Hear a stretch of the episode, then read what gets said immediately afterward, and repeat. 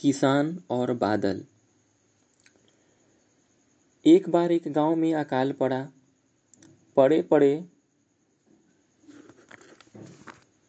काफ़ी दिन हो चुके थे, पर बड़े बड़े पंडितों और ज्योतिषियों ने भविष्यवाणी की कि इस गाँव में चौदह वर्षों तक जल नहीं बरसेगा, अकाल ही अकाल रहेगा।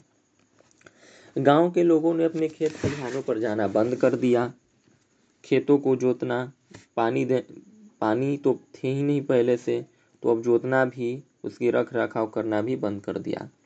लेकिन उसी गाँव में एक, एक किसान रोज अपने खेतों पर जाता और काम करता रहा। एक दिन जब वह काम कर रहा था तभी उसके ऊपर आकाश में कुछ बादल आकर रुके वे कहने लगे किसान हमको चौदह वर्ष तक बरसना नहीं है फिर तुम बेकार में इतनी मेहनत क्यों कर रहे हो?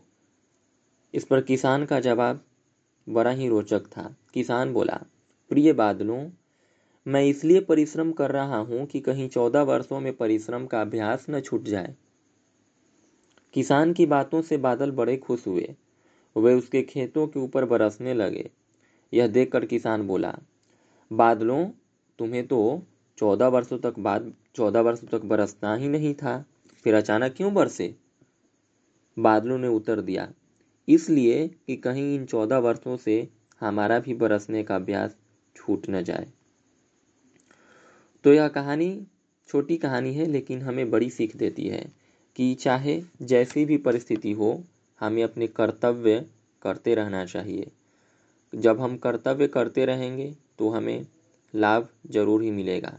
भले ही तत्काल लाभ न मिले, तत्काल परिश्रम का फल न मिले, लेकिन हमें हर परिस्थिति में मेहनत करते रहना है।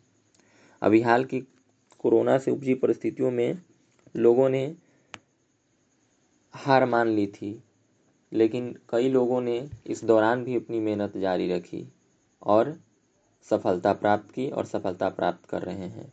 तो चाहे जैसी भी परिस्थिति आए, अपने कर्म को नहीं छोड़ना है, अपने आप को कर्म में निरत उद्योग करते रहना है। धन्यवाद।